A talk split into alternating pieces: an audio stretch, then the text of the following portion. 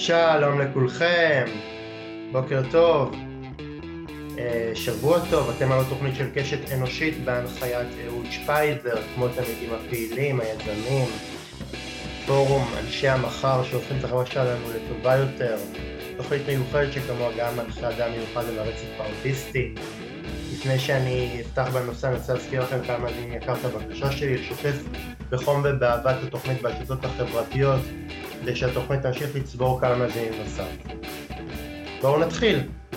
עסקת החטופים שישראל מקיימת מול ארגון חמאס מאז המתקפה הרצחנית של חמאס בבוקרו של השביעי באוקטובר שבמהלכו נחטפו 248 אזרחים ומתוכם 128 עדיין מוחזקים בשבי עם העסקאות המתסכלות אותה ניהלה ישראל מול ארגון עוין שמצהיר בגלוי על השמדתה המחיר שישראל תיאלץ לשלם כנראה יהיה כבד והאויב שמולו ממשלת ישראל אה, נושאת ונותנת משחק על כל נקודת התורפה של ההנהגה בפרט ואזרחי ישראל ככלל. אה, בעולם שבו הנהגה של עם שמקדש את ערך החיים מול עם שהנהגתו מקדשת את ערך הקרבת החיים אין לנו אלא לשאול מה עובר במוח המעוות של ארגון חמאס ולמה הוא מתנה את שחרורם של אזרחים חפים מפשע בשחרור מחבלים עם דם על הידיים שכנראה יחזרו לדרך הטרור. כדי להבין את העסקה הזאת על כל השלכותיה אני גאה להציג את הרוח שלי להפעם. הוא המנהל של מחלקת מזרח התיכון של ארגון הקהילות הבינלאומיות, ארגון לא ממשלתי אה, בריטי אשר פועל באזורי סכסוך בעולם עם תהליכי שלום שנכשלו באוגוסט 2021 ייסד יחד עם ג'יימס אולמס את קרן ההשקעות The Holy Land Bond. הקרן משקיעה בפרויקטים של דיור לפלסטינים במזרח ירושלים, דיור ליהודים ופלסטינים, אזרחי ישראל והערים המעורבות ואזורי תעסוקה ותעשייה חוצי גבולות בישראל או באזורים של שילוב בין יהודים לבין ערבים אזרחי ישראל. הוא חוקר בתחום הפוליטיקה וההיסטוריה של המזרח התיכון, מייסד ומנכ"ל שותף של אה, מכון איף קארי, אה, מרכז אה, ישראל פלסטין למחקר ומידע בשנים 1988-2011 וכיום מכהן כיו"ר המכון. הוא יזם והפעיל ערוץ שיחות חשאי עם חמאס שהביא לשחרור גלעד שליט מ-2012-2020 היה מנהל תחום פלסטין בחברת גיגאוואט גלובל וקידם אה, אנרגיה סולארית ברשות הפלסטינית. האורח שלי הוא גרשון בסקין, שלום גרשון. שלום אהוד. מה שלומך? קשה, קשה בימים אלו, קשה לישון, קשה לחשוב, קשה לראות חדשות, מדאיג, מפחיד, אה, מעצבן, אה, כל מה שכל אזרח ישראלי חווה, אה, קשה, ימים קשים. כן, נדמה לי אבל גרשון שאנשים כמוך שנמצאים ב... מאחורי הקלעים, בעסקאות אה, שאתה יודע שאזרח כמוני רק יכול אה, לחלום עליהם בחלומות הלילה, אתה, אה, יש לך את תרומתך הנדיבה לחלק מהחדשות כי אתה באיזשהו מקום גם נושא ונותן מול אנשים שאנחנו מסתכלים עליהם בחדשות ואנחנו רואים בהם את התגלמות כל הרוע האנושי איך זה, איך אתה בימים האלה אמ, מצליח אה, לתפקד, לשמור על קור רוח, על אה, חדות מחשבה, כשאתה יודע שאתה אמור אה, לגבש את המתווה שאמור בסופו של דבר להכריע לחיים ולמוות, חיים של אזרחים? כן. שמע, אני אה, אה, לא מנהל משא ומתן עם חמאס היום, אני, אין לי סמכות, אין לי רשות, אף אחד לא פנה אליי וביקש ממני, אמנם בשבועיים הראשונים של המלחמה אחרי השבעה באוקטובר הארור, אני מיד נכנסתי לפעולה והתחלתי לקדם עסקה של שחרור האנשים והילדים הפצועים והחולים מידי חמאס ועשיתי בדיקה, נראה לי שהייתה עסקה די קלה לבשל של שחרור אסירות וקטינים מבתי הסוהר, בדקתי כמה אסירות היו, בדקתי כמה קטינים היו, בדקתי מאיפה הם, איזה שייכות ארגונית יש להם, מה הפשעים שהם ביצעו כדי לדעת אם אפשר לשחרר אותם בתמורה לחטופים, הילדים והאנשים, הזקנים, הפצועים, החולים ואני קידמתי את זה, אני קידמתי את זה מול חמאס, מול גורמי חמאס גם בעזה, גם בביירות וגם בדוחה וקידמתי את זה מול מספר שרים בממשלת ישראל באמצעות אנשים שאני מכיר ממערכת הביטחון.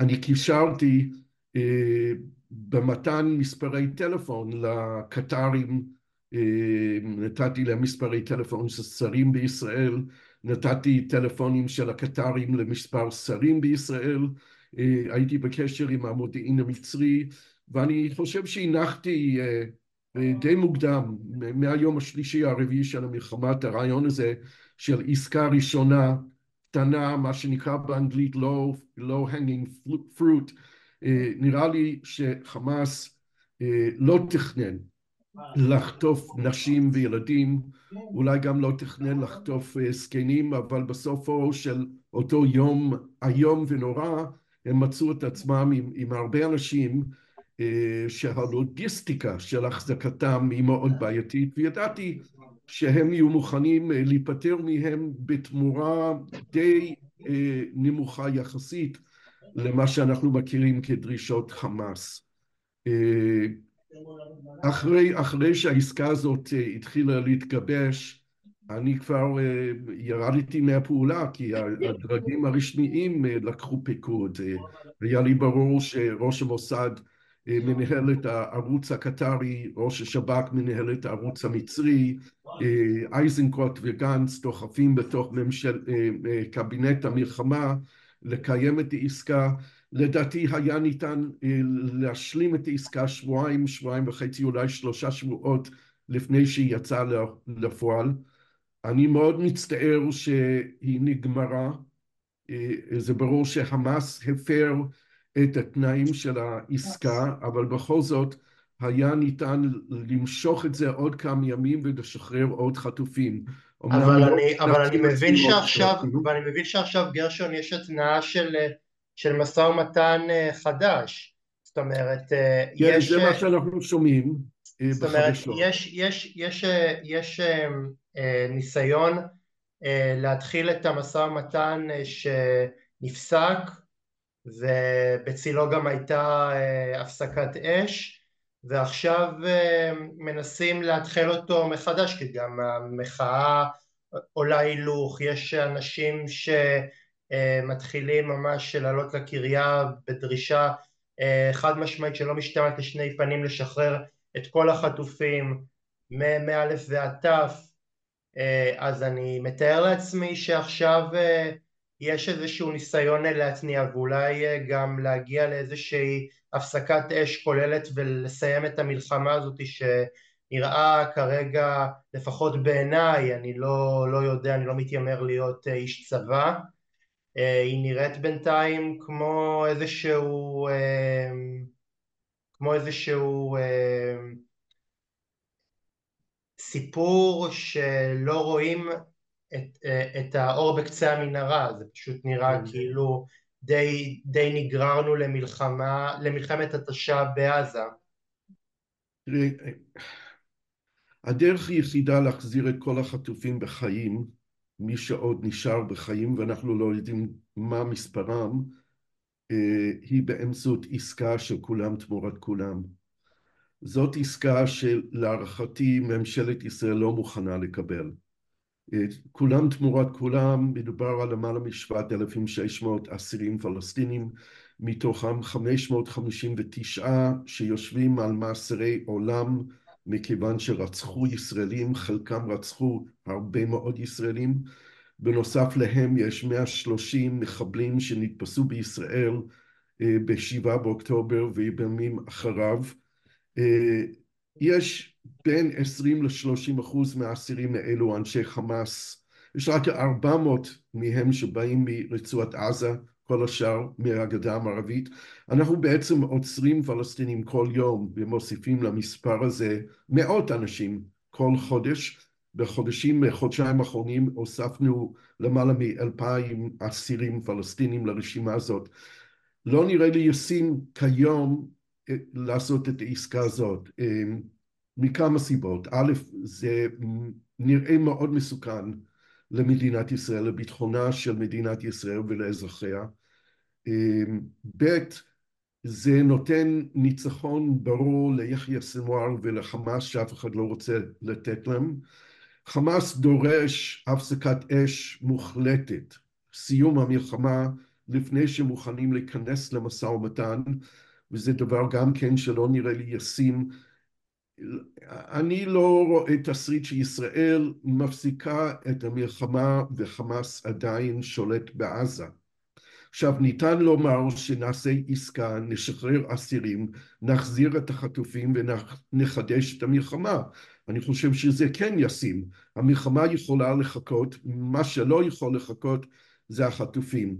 אני מתוך הראייה הזאת הצעתי ודוחף שתהיה יוזמה ישראלית. ישראל לא יוזמת מול חמאס, אף פעם לא יוזמת.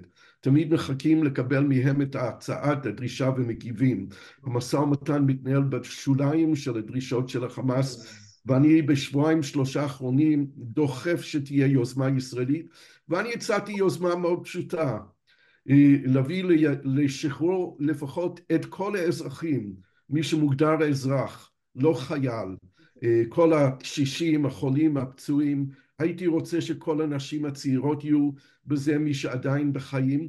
ואמרתי שישראל תשחרר כשלושת אלפים אסירים לא מהמסוכנים ביותר, אולי כמה מהזקנים שביניהם שישבו כבר עשרים, עשרים וחמש שנה ותפרסם את הרשימה הזאת בערבית, בכל העיתונות הערבית, שהלחץ הפסיכולוגי, הלוחמה הפסיכולוגית תתנהל בצד השני, לא רק תמיד אצלנו, שיהיה לחץ מהציבור הפלסטיני על חמאס לעשות עסקה, לשחרר שלושת אלפים אנשים. עכשיו, מי שמסוכן מביניהם, אין מניעה שישראל תעצור אותם מחדש. גם אין מניעה שישראל תחסל מי שמסוכן אחרי השחרור הזה. אז גרשון, אתה מדבר פה על עסקת מחבלים שהיא באמת פוגעת לנו על העצבים הכי, הכי חשופים, אז בוא אני אחזיר אותך ברשותך 12 שנים אחורה לעסקת שליט. עסקת שליט נחשבת לעסקה ששילמנו עבורה מחיר יקר של שחרור חייל אחד תמורת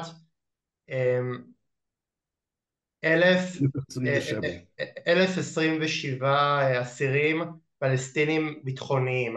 מה הוביל בסופו של דבר לפריצת הדרך בעסקת שליט אחרי חמש שנים שבהם היה נדמה שהמשא ומתן לשחרורו יישאר תקוע?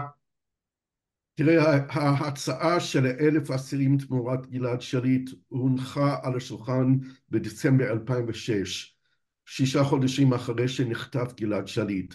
והרש... וההצעה הזאת הייתה 450 אסירים על פי רשימה של חמאס בפעימה הראשונה, 550 אסירים על פי רשימה ישראלית בפעימה השנייה, חמש שנים אחר כך זה בדיוק מה שהיה.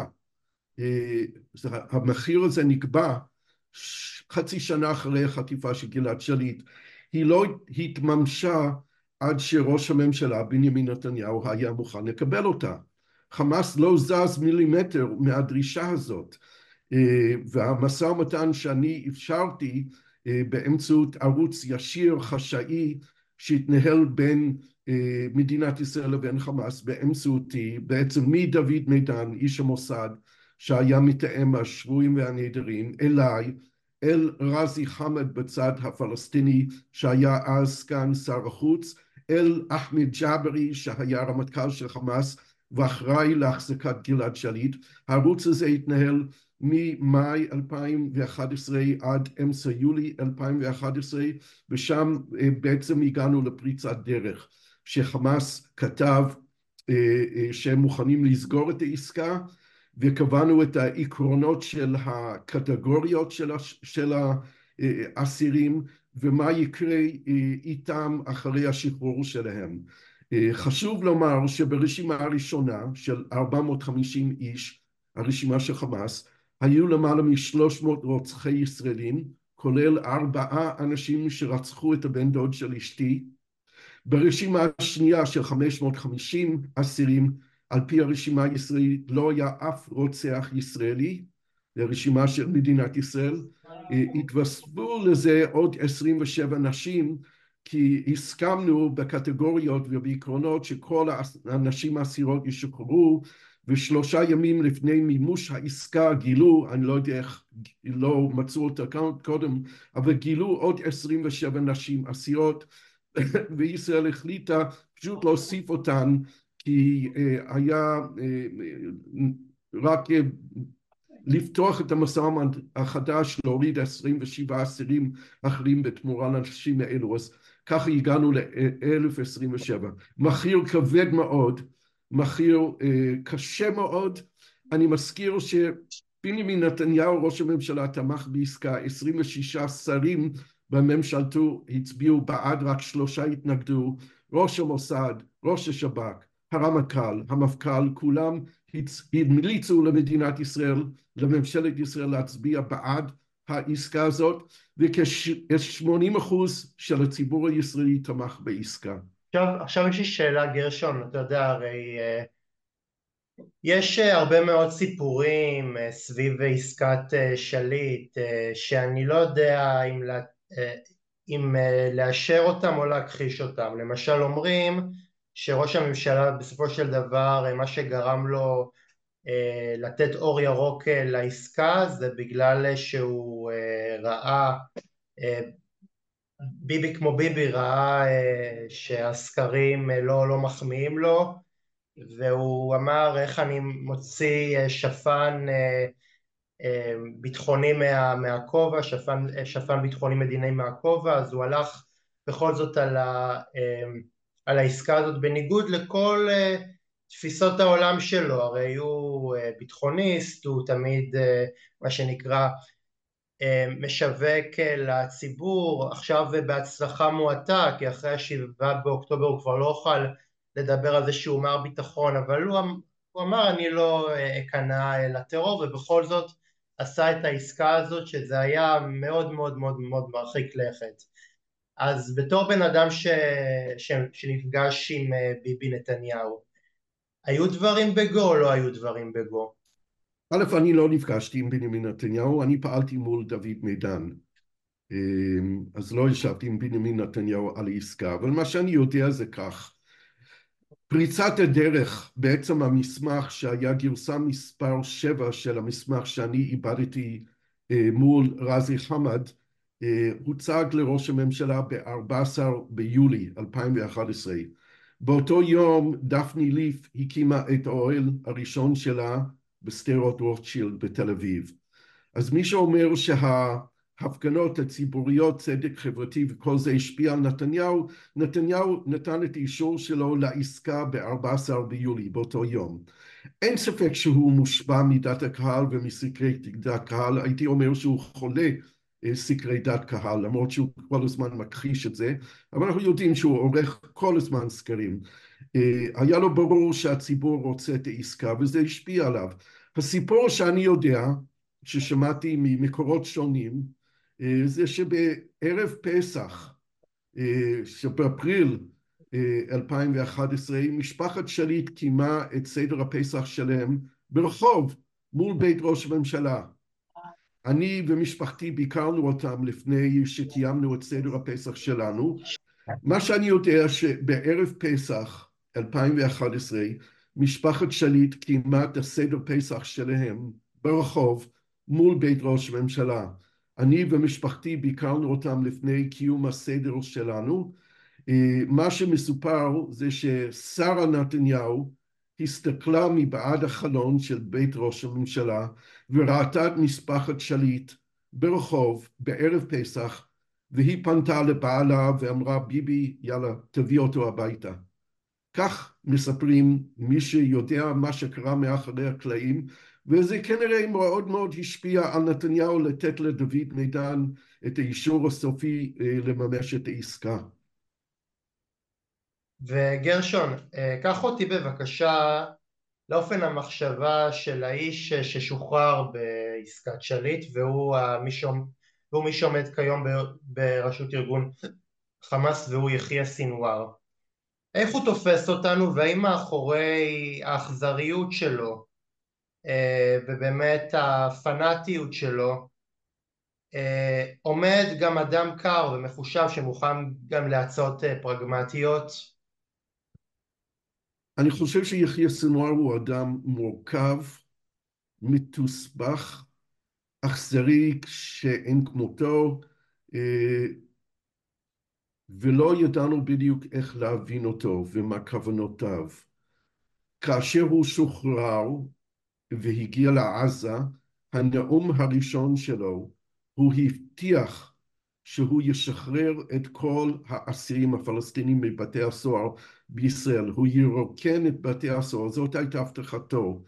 הוא אמר את המשפט הזה גם בכל נאום חשוב שלו במשך 12 השנים האחרונות, אבל לא כל כך הקשבנו כי לא האמנו כדבר כזה אפשרי.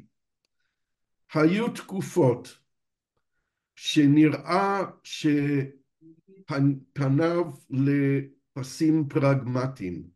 זה גם מסרים שקיבלנו מגורמים זרים שביקרו שם, גם גורמים בתוך הרשות הפלסטינית ברמאללה וגם אנשי עסקים ואחרים. ויכול להיות שזה נכון, יכול להיות שבאמת סינואר חשב פרק זמן מסוים שאפשר באמצעות מדיניות פרגמטית הוא יכול לשחרר את המצור הכלכלי על רצועת עזה.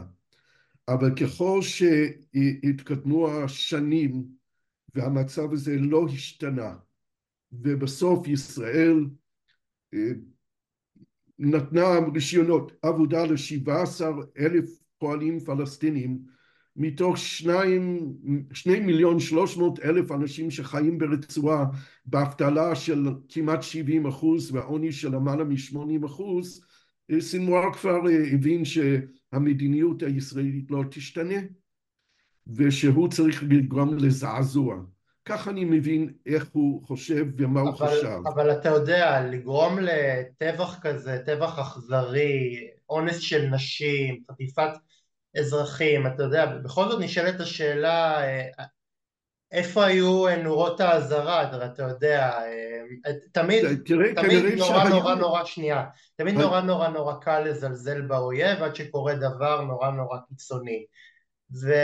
ולי הייתה תחושה של, של זלזול מתמשך עד, ש, עד שפתאום קמנו בבוקרו של השביעי באוקטובר ואני חושב שכמוני, כמו הרבה מאוד אנשים, הרבה מאוד אזרחים קמו ופשוט היו, היו בתדהמה, לא ידעו להכיל, זה היה נראה להם, זאת אומרת, אי אפשר אפילו לתפוס את גודל השבר ואני חושב שאפילו עדיין אנחנו מדברים על חודש וחצי אחרי השביעי באוקטובר, אני חושב שאנחנו עדיין בשבר, אנחנו לא, לא מאמינים איך מדינה עם צבא חזק, פשוט ברגע אחד פשוט עמד חסר אונים מול מתקפה כזאת אז אני שואל את עצמי אם היו נורות, נורות אזהרה בדרך. תראה, היו כנראה נורות אזהרה בדרך, אנחנו יודעים עכשיו שגם כל תוכנית המלחמה שלהם הייתה בידי ידיים של ישראל, התצפיתניות לאורך הגבול ראו התרחשויות בצד של עזה של הגבול ודיווחו ואף אחד לא לקח אותם ברצינות. אני, אני חושב ש... אני מאז 2008 טוען וטענתי באולפני טלוויזיה בישראל כנגד כל הגנרלים במילואים שישבו איתי בפאנלים השונים שמול ארגון כמו חמאס אי אפשר ליצור הרתעה וההסתכלות הישראלית או התפיסה הישראלית זה שאפשר ליצור הרתעה נגד כולם והאמינו שאחרי כל סבב לוחמה עם חמאס יצרנו הרתעה ואני טענתי כנגד שאי אפשר. למה טענתי את הטענה הזאת? כי אני ידעתי שחמאס מגייס לוחמים מתוך משפחות שכולות אחרי כל סבב לוחמה. הולכים בית בית לכל משפחה שכולה לכל בית שנהרס ואנשים איבדו את כל רכושם והם גייסו את הילדים שלהם והם אמרו להם אתם תהיו שהידים אתם תמותו מות קדושים למען פלסטין למען אל-קודס למען אל-אקצא ותקבל נקמה עבור מה שהיהודים האלו עשו לך הפכו אותך להיות יתום, הרסו לך את הבית, והם גייסו אנשים ו- וטיפחו את הרעיון הזה של מות קדושים, להיות שהיד, למות למען פלסטין ואל-אקצא ולקבל נקמה. ואני טענתי שאי אפשר ליצור הרתעה נגד מי שמוכן, מי שרוצה למות, אי אפשר להרתיע אותו. ו- ואני חושב שלא הבינו את זה בישראל, אני חושב שעד היום הזה לא מבינים את זה בישראל. אני חושב שיש לנו יהירות מאוד גדולה אל מול האויבים שלנו. תשמע את, ה... ארגון... תשמע את. את הרטוריקה של השר לביטחון אה, לאומי שמדבר על מוות למחבלים, כאילו, כאילו לא עברנו אה. אה, חודשיים וחצי של גיהנום גם ככה, הוא עוד שולף את, ה... את השפן הזה כאילו הוא לא הספיק ללמוד ולהכיר את האויב. כן, זה לא ירתיע, הוא, הוא יכול להוריד את הרוצחים שיושבים בבתי הסוהר, באופן כללי המדיניות היא אה, מוות למחבלים, כי הניסיון הוא להרוג כל מי שמחבל, אה, בזמן החבלה לתפוס אותם ולהרוג אותם, מה שמכנים בישראל מנטרלים אותם, זה בעצם אה, לבצע דין מוות לכל מי שמנסה להיות מחבל נגדנו. אה, חמאס הוא ארגון מאוד מתוחכם, ולא הבנו את זה, הפת"ח למד את זה עוד ב-96, כאשר נערכו בחירות ללשכות המסחר בגדה, והפת"ח הפסיד והחמאס ניצח, והם למדו שחמאס הוא ארגון הרבה יותר מתוחכם מהפת"ח. חמאס למד את מערכת הגבול שלנו, את כל נקודות החולשה, אנחנו בנינו מערכת טכנולוגית מאוד יקרה והם עם רחפנים ורימוני יד הוציאו את זה. הם אה, ראו את הגדרות ששמנו ואת הפתחים השערים שבנינו לתוך הגדרות ששימשו אותנו להיכנס לעזה מתי שרצינו ואף אחד לא חשב כנראה שהגדר הזאת, הפתח הזה, השער יכול להיפתח בכיוון השני. ועם אה, חומר נפץ פשוט וטילים נגד טנקים פוצצו לנו את הגדרות האלו ונכנסו בהמוניהם ורצחו וטבחו ואנסו ושרפו משפחות שלמות בבתיהם. רצח נוראי, פשעים, ובאותו יום הם גם הפכו להיות ארגון שאיבד את זכותו להתקיים. לצערי הרב, מ-2009 בנימין נתניהו החליט לשמור את חמאס בעזה כי זה נוח לו לטעון שאין לנו פרטנר לשלום ובכך הוא מנע כל דיון רציני על הפתרון של שתי מדינות. אה, עכשיו אה, גרשון, כמי שהיה מתווך בחלק מעסקאות לשחרור מחבלים, איפה נקודת התורפה שלנו עצמנו, נקודת התורפה הארכימדית במשא ומתן ש, שכזה שנעשה מול אנשים שבאידיאולוגיה שלהם רוצים לחסל אותנו תראה, הרצון לחסל זה רצון הדדי. אנחנו במצב מאוד מאוד משונה היום כי אנחנו מנהלים משא ומתן לא ישיר עם ארגון שאנחנו מחויבים לחסל אותו והם מצידם מחויבים לחסל אותנו וזה משא ומתן מאוד מוזר ואין מצב דומה, אין תקדים, אני חושב שהמצב שאנחנו נמצאים בו שיש כל כך הרבה אזרחים חטופים בשטח אויב אכזרי שאנחנו יודעים שהם גם מוכנים לרצוח אותם. אנחנו יודעים שנרצחו חטופים בעזה מאז שהם נחטפו ואנחנו יודעים שחמאס מסוגל לרצוח את כולם אם הגב שלו יהיה נגד הקיר זה מה שעלול לקרות ולכן אני גם לא מבין את התביעה, את הטיעון בישראל שהלחץ הצבאי חמאס יביא לריכוך העמדה שלהם. בעיניי זה מביא בדיוק ההפך. כל יום שהחטופים נמצאים בעזה מסכן את חייהם, כל הלחץ הצבאי על חמאס מביא לסיכוי יותר גדול שהם ירצחו את החטופים. אבל פה זה נקודה ארכימדית כבר של, של הממשלה שלנו, הרי יש בה אנשים סרבני שלום, לא מוכנים אה, להתפשר אה, על, מאה אחוז מכל המחשבות או השאיפות המדיניות שלהם ומבחינתם אה, כל אה, אופק למשא ומתן, כל, כל ניסיון להגיע לאיזושהי הסדרה, זה, פירושה כניעה הרי אין, אין הסדרה מול חמאס, אין, אין אפשרות לדבר על הסדרה מול חמאס או שלום מול חמאס, חמאס הוא לא פרטנר לא להסדרה ולא לשלום, צריך להמשיך למוטט, לנסות למוטט אותו, למצוא את מנהיגיו ולהרוג אותם אה, ולשחרר את החטופים. עכשיו בעיניי שחרור החטופים קודם לכל וחידוש המלחמה אחר כך יכול לבוא. אה, המלחמה יכולה לחכות, החטופים לא יכולים לחכות אה, ולמרות שאין רוב אולי היום בממשלת ישראל לעסקה חדשה, זו שאלה של מנהיגות. אנחנו יודעים שנתניהו הוא מנהיג מוחלש, חלש, סמרטוט, מגן בעיקר על עצמו וקשה לסמוך עליו ולכן הלחץ הציבורי לא רק של משפחות החטופים אלא של כל הציבור צריך להיות על ממשלת ישראל כולה להחזיר את החטופים כי מדינת ישראל הפקרה אותם. ההפקרות של החטופים האלו מחייבת את מדינת ישראל להחזיר אותם. זו החובה המוסרית של המדינה כלפי אזרחיה וזה הדבר הראשון וקודם לסיום מטרות המלחמה.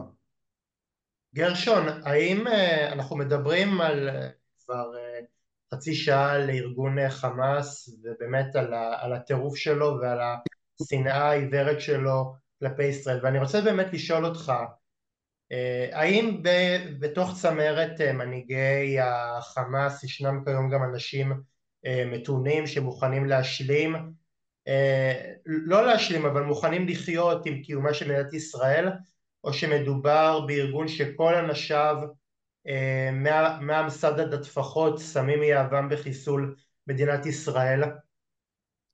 תראה, אני אף פעם לא הגדרתי את האנשים בחמאס שהכרתי ודיברתי איתם בשיחות ארוכות כמתונים. אני עשיתי הבדלה בין מי שפרגמטי למי שאינו פרגמטי והיו לפני המלחמה הזאת מספר אנשים שהגדרתי אותם פרגמטיים אחד מהם המתדיין העיקרי שלי רזי חמד אה, שנחשב להכי פרגמטי בחמאס התברר במלחמה הזאת כאחד האנשים הקיצוניים הוא יצא את עזה לפני המלחמה והפך להיות דובר המלחמה מתוך ביירות ושם הצדיק את המעשים של חמאס ואמר שיחזרו אליהם עוד ועוד ועוד ושאין זכות קיום למדינת ישראל. יש אדם אחד בעזה ש, שעדיין מתקשר איתי שולח לי וואטסאפים אה, בהודעות קוליות היו לנו מספיק אה, אה, מספר שיחות טלפון שהוא אחד ממייסדי חמאס והוא אה, אומר שיהודים, מוסלמים ונוצרים יכולים לחיות ביחד אבל לא עם הציונים. זאת אומרת שמדינת ישראל כמדינה יהודית אינה מקובלת אה, עליו והוא אולי הכי מתון שיש בקרב אנשי חמאס ושוב זה לא מתינות הוא יותר פרגמטי אומר שכן יהודים מוסלמים ונוצרים יכולים לחיות ביחד אבל לא במדינה כמו במדינת ישראל. אז אין שם אנשים שמאמינים שאפשר לעשות פתרון של שתי מדינות. שמענו ציוצים של ח'אלד משעל בשבוע שבועיים האחרונים שאומר שחמאס רוצה להשתלב בתוך המסגרת של אש"ף ולקבל אה, את ההסכמים שאש"ף חתם עליהם, זאת אומרת הסכמי אוסלו וללכת לכיוון של שתי מדינות אני, אני לא חושב שזה יותר מאיזה מהלך טקטי של ח'אלד משעל, זה לא מהותי, זה לא אסטרטגי, זה לא, זה לא משהו אמיתי שמייצג את העמדות שלהם. זאת אומרת לכל האנשים האלה שאומרים אה, שיש אה, אה, גורמים מתונים ברשות ה... סליחה, לא ברשות הפלסטינית, בחמאס, אתה אומר, תשכחו מזה, לא קיים, לא היה, לא נברא, גם לא משל היה, זה אנשים שכל מטרתם היא אחת, לחסל אותנו, הם רק באיזשהו מקום מוטפים את זה באיזשהו כיסוי שלנו כישראלים יותר נוח לבלוע אותו? תראה, אני, אני לא הייתי אומר שהרצון שלהם והתוכנית שלהם זה לחסל פיזית שבעה מיליון יהודים ישראלים, אבל בהחלט לחסל את המדינה הציונית, את המדינה היהודית. הם דוגלים, אלה שמוכנים לחיות עם יהודים דוגלים בפתרון של מדינה אחת כאילו דמוקרטית אבל אסלאמית במהותה וזה כמובן חיסולה של מדינת ישראל. זה בניגוד לרוב העם הפלסטיני שלהערכתי למרות הסקרים ואני לא, לא נותן הרבה משמעות לסקר בזמן מלחמה אני מסתכל על סקרים כמגמות לאורך שנים ונצטרך לעקוב אחרי סקרי דת הקהל בשטחים הפלסטינים אחרי המלחמה. גם אצלנו וגם אצל הפלסטינים לפי הערכתי במשך שנים יש כשלושים אחוז מתנגדי שלום גם בישראל וגם ברשות הפלסטינית, בפלסטין, בעזה, בגדה מתוכם אנשים שיתנגדו לכל הסדר של שלום ולא משנה מה כתוב בו אבל גם בישראל וגם בפלסטין יש כשבעים אחוז שמוכנים בתנאים הנכונים לחיות בשלום.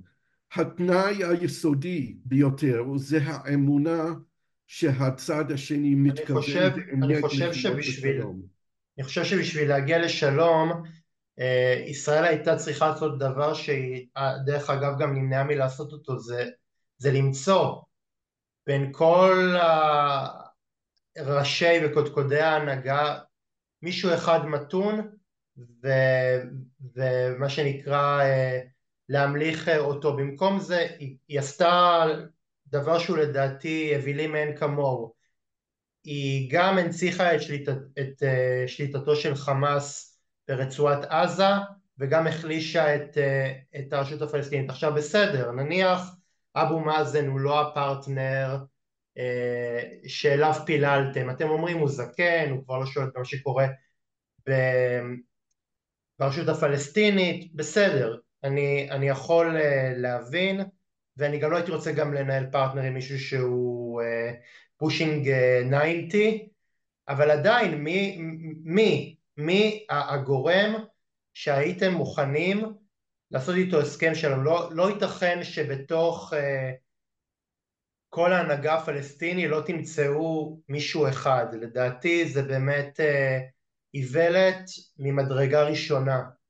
תשמע, זה לא תפקיד שלנו להכתיר את המנהיג הפלסטיני, הם צריכים לקיים בחירות דמוקרטיות ולבחור את המנהיגות שלהם. אני יכול להגיד לזכותו של מחמוד עבאס, שאני מכיר אותו היטב וישבתי איתו שעות רבות בארבע עיניים בשיחות עומק על כל הסוגיות. אני גם שלוש פעמים הבאתי הצעות ממחמוד עבאס לבנימין נתניהו לקיים שיחות ישירות חשאיות על, על שלום על בסיס שתי מדינות, שלוש פעמים הבאתי הצעות לנתניהו ונתניהו דחה את ההצעות האלו שלוש פעמים. אז אבו מאזן היה פרטנר והיה ניתן לקיים איתו משא ומתן ואהוד אולמרט כמעט הגיע איתו להסכם שלום ובגלל שאולמרט נאלץ להיפטר ואלו שבאו אחריו אמרו לו לחכות לציפי לבני זה לא התקיים, זה לא התקדם. היום אני לא מצביע על אף פלסטיני שהוא הפרטנר כי העם הפלסטיני צריך לבחור את המנהיגות שלו.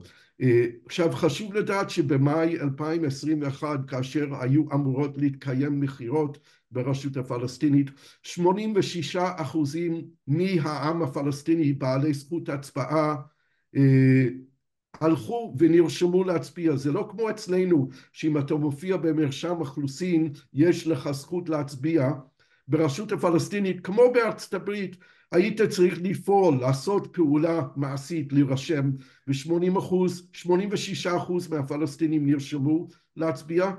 36 רשימות הוגשו לרשם המפלגות להתמודד בבחירות האלו. זה היה פסטיבל של דמוקרטיה, ומתוך 36 הרשימות האלו היו לא מעט שדיברו על שתי מדינות, על פתרון של שתי מדינות, על מדינה עצמאית פלסטינית לצידה של מדינת ישראל.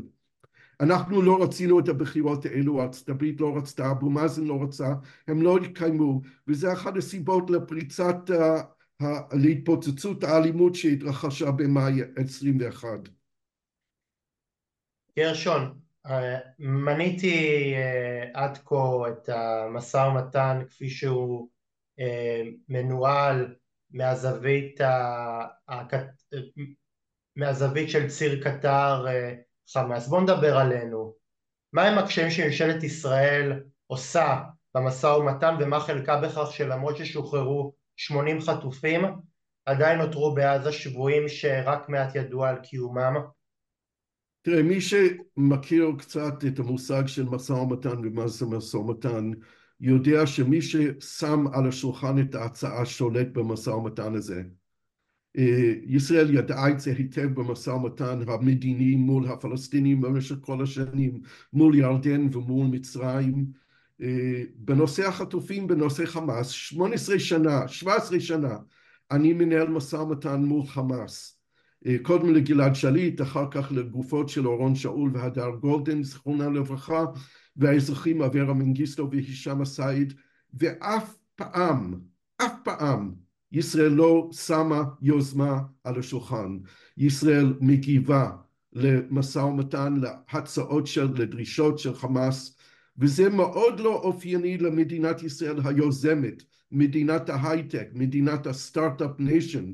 זה לא אני... לא הדרך שלנו, אבל דווקא מול חמאס אנחנו פסיביים. בוא נגיד, בוא נגיד את זה ככה, זה לא דרכה של מדינת ישראל, זה דרכה של ממשלת ישראל, שבראשה עומד בנימין נתניהו, הססן אה, פתולוגי, הססן כרוני, תמיד כשהוא היה בצומת קבלת החלטות, הוא, הוא התחמק, דרך אגב אני קורא עכשיו אה, ספר אה, שכבר אי אפשר להשיג אותו על המדפים, הוא נקרא הצל"ש השישי שמספר את הסיפור של בחירות 99 אה, ומספרים שם שגם בהסכם וואי כשהוא היה יכול אה, לקחת איתו את כל התמיכה שהיה לו מהשמאל הישראלי הוא בסופו של דבר אה, ראה את, את, את שרידותו האישית ואת טובתו האישית והחליט מה שנקרא למסמס את התהליך הזה ולקרוץ לימין הקיצוני אז אני מרגיש שזה, שזה האיש, תמיד כשהוא היה בצומת קבלת החלטות, שבו הוא היה יכול אה, לצאת כמדינאי ענק, כמדינאי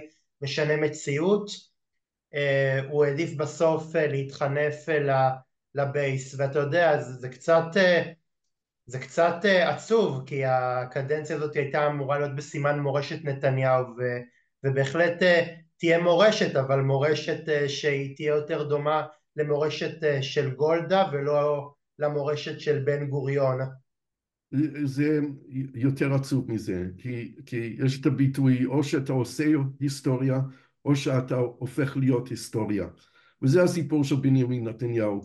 הוא אה, ראש הממשלה ש, שמכהן יותר מכל ראש ממשלה אחר בישראל והוא יהיה אה, רשום בספרי ההיסטוריה כראש ממשלה הכי גרוע שהיה לנו, הכי שסיכן את ביטחונה ושלמותה של מדינת ישראל, את זה שאחראי לאסון הכי גדול שקרה לנו, לטראומה הכי גדולה לעם היהודי מאז השואה, זה הכל על שולחנו של בנימין נתניהו, והעם צריך להעמיד אותו לדין, אה, אה, לדין ברצינות, הוא אשם בפגע ענק נגד מדינת ישראל. פגה זה, understatement, אתה יודע, אה, לצערי הרב אה, הרבה מאוד אנשים, אה, גם אנשי צבא, גם אנשים שהיו חלק מהקפלניסטים שמחו נגד הרפורמה העריכו בחושים החדים שלהם שאנחנו צועדים אל עבר, אל עבר אסון. אל, מה שדרך אגב גם מתברר נכון, אתה יודע, כש, כש חיזבאללה נמצא על הגדרות, כשחמאס נמצא, נמצא על הגדרות, לא צריך להיות גאון גדול בשביל להעריך ש, שכשאיראן מתעצמת כל, אמ, כל, כל בעלי בריתה מתעצמים גם כן. והכל אשם ביבי נתניהו ואני לא מבין איך עדיין אחרי אסון נורא כזה יש עוד אנשים שעוד משוכנעים שהוא יצליח לנצח את המלחמה. מי שהוביל אותנו למלחמה לצערי גם לא אוכל לנצח במלחמה ולצ... ול... ולהערכתי, להערכתי לא, לא ננצח במלחמה כי כבר הפסדנו. אנחנו מפסידים כל יום שרואים את החיילים המתים חוזרים הביתה, זה הפסד מאוד גדול. מצד שני אנחנו לא יכולים להרשות לחמאס להמשיך לשלוט בעזה ויש פה מלכוד ואנחנו חייבים להחזיר את החטופים כי אם יתברר לציבור הישראלי שהממשלה החליטה להקריב את החטופים זו פגיעה במדינת ישראל שלא נוכל להתרפא ממנה לדעתי. ייקח דורות. זו פגיעה בסולידריות החברתית שמאפיינת את מדינת ישראל ואת האתוס הלאומי של עצמנו. ולכן חייבים להחזיר את החטופים וחייבים להביא, להביא למצב שלא ישלוט שם חמאס. עכשיו, המחיר הוא ברור. כדי לנצח את חמאס זה לא הניצחון הצבאי, זה הניצחון האידאה, הרעיון של חמאס, האידיאולוגיה של חמאס. צריך להראות לעם הפלסטיני שאפשר לא למות למען פלסטין, אפשר לחיות למען פלסטין. וזה מחיה מחדש את הפתרון של שתי מדינות שאני חשבתי שהפתרון הזה מת, שהוא לא וייבל, שהוא לא קיים יותר, ופתאום הוא מונח מולנו שוב, ואנחנו חייבים לקדם אותה, כי זה הדבר היחיד שיכול לנצח את חמאס. להראות לעם הפלסטיני שיש להם תקווה, סליחה, שיש להם למען לחיות.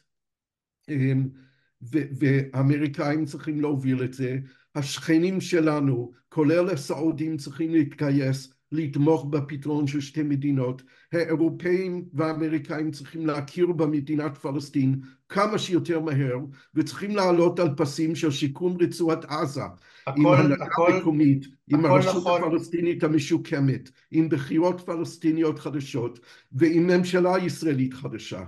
הכל נכון גרשון, רק שאנחנו שוכחים שגם לנו יש צד בזה ואם אנחנו לא, לא ניקח בזה צד וזה לא יבוא מאיתנו אז שום דבר לא, לא יעזור, בסופו של דבר הרצון בשלום מתחיל, מתחיל בינינו. ותשמע אני חושב שיש בארץ סקרים שמראים על, על איזושהי מגמה ימינה אבל לדעתי ביום שאחרי אנשים ידרשו הסברים עזה תישאר אותה עזה והם יראו שאי אפשר אה, לקחת את הפלסטינים ולהעיף אותם מפה זה פשוט לא תרחיש שהוא, שהוא הגיוני ולדעתי אנשים ירצו גם פתרונות אה, מדיניים ולא רק צבאיים ורציתי לשאול אותך גרשון אם אנחנו מדברים באמת על תמונת היום שאחרי או כמו שבארץ אוהבים תמיד לכנות את זה תמונת הניצחון איך אתה רואה תמונת היום שאח,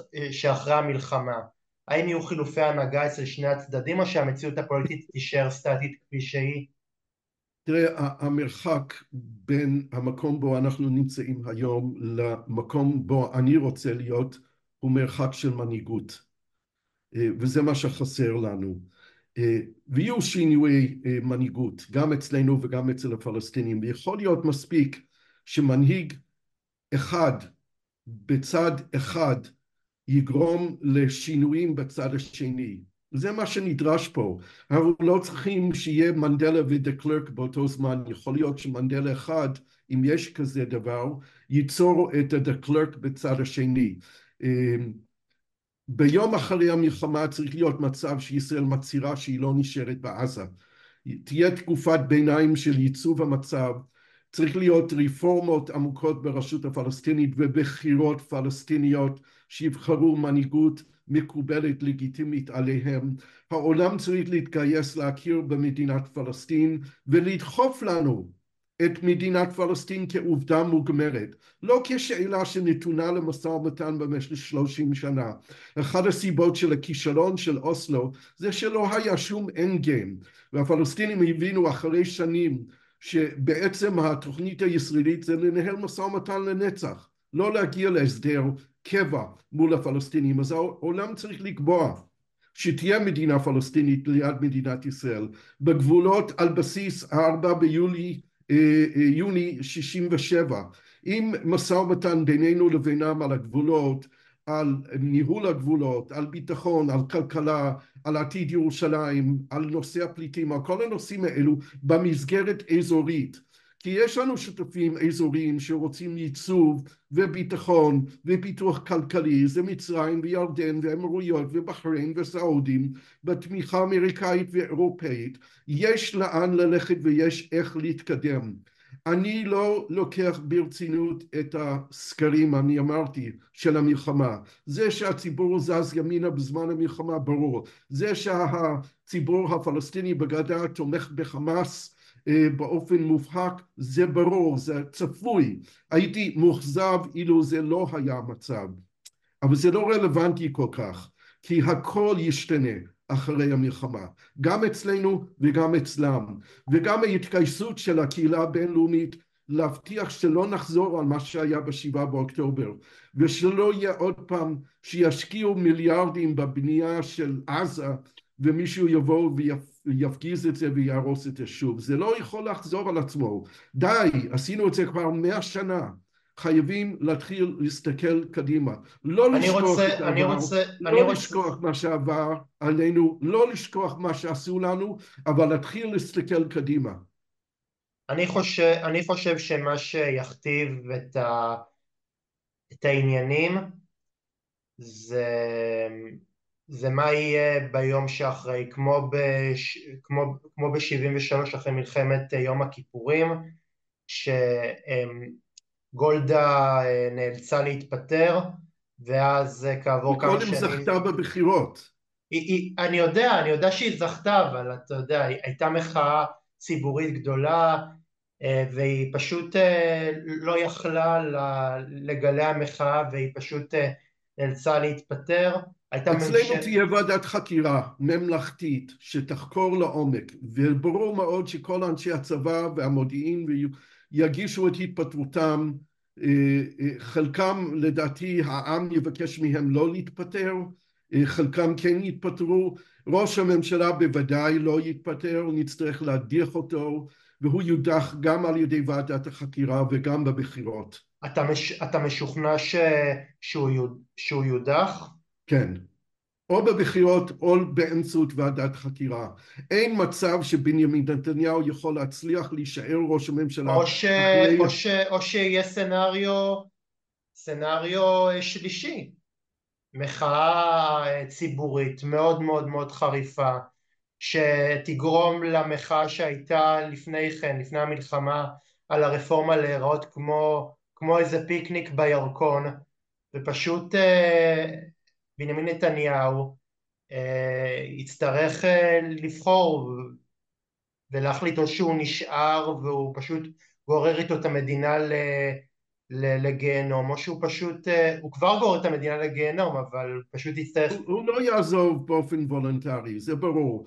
והמחאה הגדולה תהיה אחרי המלחמה בעד הקמת ועדת חקירה ממלכתית כי אנשיו הביביסטים ינסו לעשות ועדת חקירה ממשלתית או, או של הכנסת או כל דבר חוץ מוועדת חקירה ממלכתית בראשות שופט בית משפט העליון, ועדה עצמאית עם סמכויות לחייב עדים לבוא להעיד, אה, זה מה שתהיה המחאה הראשונה. אתה רואה, אתה רואה איזשהו אה, אתה, אתה רואה איזשהו אור בקצה המנהרה, אתה, יש איזשהו אה, מצב שאתה אומר עד השלב הזה והזה אה, נוכל אה, להתבשר שבאמת אה, זהו יש הפסקת אש ומסיימים את המלחמה או שאתה צופה עוד, עוד חודשים מאוד מאוד מאוד קשים או כמו שהרבה מאוד אנשים בצה"ל כבר העזו להכביר בחזיונות על זה שזה הולך להיות אה, שנה שלמה. אני לא יודע, אני לא יכול להתנבא בעניין הזה, אני חושב שלא סיימנו את המלחמה, המלחמה תימשך, אולי היא תתפוס אה, צורה אחרת מההפגזות הגדולות שהיו, דחקנו את שני מיליון אנשים לפינה קטנה של רצועת עזה וזה גם דבר שהוא לא, לא יכול להתקיים, הוא, הוא, יהיו שם מהומות אלוהים, אני לא יודע מה יקרה שם, אסון הומניטרי בלתי רגיל שאנחנו נושאים באחריות למצב הזה, גם חמאס כמובן, אבל גם אנחנו, כי אנחנו נשלוט שם צבאית ברצועת עזה. אני כן רואה אפשרות שיקומו חמישה אנשים בסתום מתוך הליכוד, מתוך הממשלה, ויחליטו שחייבים להחליף את בנימין נתניהו. זה עדיין תסריט שהוא אפשרי, שיקומו חמישה אנשים כאלו ויחליפו אולי בגלנט, אולי במישהו אחר, כל אחד יכול להיות יותר טוב מנתניהו במצב הזה. אני לא בטוח שזה יקרה, אבל לא לאורך זמן אנחנו נהיה במצב של ראש הממשלה שלא זוכה לתמיכה של העם, וזה המצב היום. הרוב הגדול של ישראלים לא רוצים אותו כראש ממשלה יותר, והוויכוח הוא אם להדיח אותו היום או אחרי המלחמה, והרוב קובע אחרי המלחמה, אבל נגיע לאחרי המלחמה, או השלב הזה של המלחמה העצימה כמו שקוראים לזה, או בשלב השני, הבא, הרביעי, החמישי של המלחמה, לא יודע, אבל נגיע למצב ש, שתהיה דרישה של הציבור שמי שאחראי למצב שלנו ישלם את המחיר. גרשון, במידה והחטופים חוזרים לבתיהם, איך אנחנו כחברה צריכים לקלוט אותם? בחיבוק אחד גדול מאוד. אני חושב שלמדנו הרבה מאוד לקחים מאז המלחמות שחזרו שבויים, ולמדנו לחבק אותם ולמדנו לתת להם טיפול הנדרש. הם קורבנות של המדינה, של המדיניות של המדינה, של המלחמה, והם אזרחים חפים מפשע שנחטפו מביתם, ואנחנו צריכים להתייחס בעדינות ובכבוד לכל אחד מהם, באהבה. גרשון, לקראת סיום, האם אתה חושב שכמו שבשביעי לאוקטובר קרסה קונספציה של ניהול הסכסוך גם תוך כדי 74 ימי הלחימה, נסדקה קונספציה של הכרעת המלחמה רק באמצעים צבאיים? קודם כל הקונספציה שאפשר לנהל את הסכסוך קרסה בוודאי בשבעי באוקטובר, זה התפוצץ לנו בפנים. אי אפשר להתעלם מהסוגיה הפלסטינית, צריך להתמודד איתה, צריך להגיע לפתרונה. לגבי ניצחון באמצעים צבאיים בלבד, אין ניצחון צבאי בלבד. הניצחון בסוף צריך להיות ניצחון מדיני, צריך להעביר אותנו לפסים של משא ומתן אזורי מול הפלסטינים, עם הפלסטינים, עם המדינות של האזור, עם התמיכה הבינלאומית, צריך להביא לשיקום רצועת עזה, לבנייה כלכלה פלסטינית בריאה, למתן תקווה לעם הפלסטיני שיש לו למה, למה לחיות, וזה צריך להיות בנוי על פי שיתוף פעולה. גם אני רוצה לתקוף כבר בעוד מועד את קונספציה שבונים שלום עם חומות וגדרות, גם את זה צריך למחוק מהראש שלנו, בונים שלום באמצעות קשרים, באמצעות שיתופי פעולה, נכון צריך להתגונן וצריך אה, אה, אה, אה, מנגנונים של ביטחון ושמירה כדי שהטריטוריה הפלסטינית לא תתחמש, שתהיה מדינה מפורזת, שלא יהיו שם טרוריסטים אבל השלום, הקונספט של השלום צריך לבנות על בסיס שיתופי פעולה בכל תחומי החיים. גרשון, לסיום, האם אתה אופטימי שביום מן הימים שני הצדדים יוכלו לקיים משא ומתן על ענייני שלום ולהיפגש סביב שולחן המשא ומתן ולא רק על ענייני שחרור חטופים? אני משוכנע שכן. בין הנהר לבין הים חיים שבעה מיליון פלסטינים ערבים ושבעה מיליון ישראלים יהודים. אנחנו במספרים שווים וחייבים להגיע למצב שנוכל לחיות ביחד. בפתרון כזה או אחר, אני סבור שהפתרון הכי טוב זה שתי מדינות לשני עמים וחייבים להגיע לזה ביחד. אין כפייה, של פקס אמריקנה או משהו כזה יצטרך לבוא בסופו של דבר מאיתנו, מבני שני העמים שחיים פה. הדור החדש הצעיר, הדור שלך והדור של הילדים שלי יצטרכו ללמוד להסתכל קדימה ולהביט ביושר שלא רוצים להמשיך להרוג ולהרוס את מה שאנחנו בונים יום יום פה. צריך להתחיל לבנות בסיס אחר של חיים משותפים עם בני העם הפלסטיני. גרשון, מהפה שלך לאלוהים באמת היה רעיון מרתק. בערבית אומרים מן תומק לבבא סמא. מן תומק לבבא סמא, ואני, ואני באמת מקווה שה... שגלגלי ההיסטוריה יגיעו ליעדם בכיוון האופטימי שאתה מציע ואני כמובן אייחל כמוך לפתרון הסכסוך הישראלי-פלסטיני כי זה כל כך מגיע לנו אחרי, אחרי הקזת דם הדדית בין שני הצדדים. כל כך הרבה תקוות לשלום שלא התממשו ובאמת אני מקווה ש... שאולי אחרי המלחמה הזאת התקוות האלה ייוולדו מחדש כי כל טראומה זה הזדמנות לבנות מחדש אז תודה רבה ותודה לכם, קהל מאזין יקר, באמת שזה אנושית, רות שפייזר. אם גם אתם רוצים לקחת חלק בתוכנית שלי, נשאיר הודעה בטלפון ובמייל. המשך שבוע טוב, להתראות.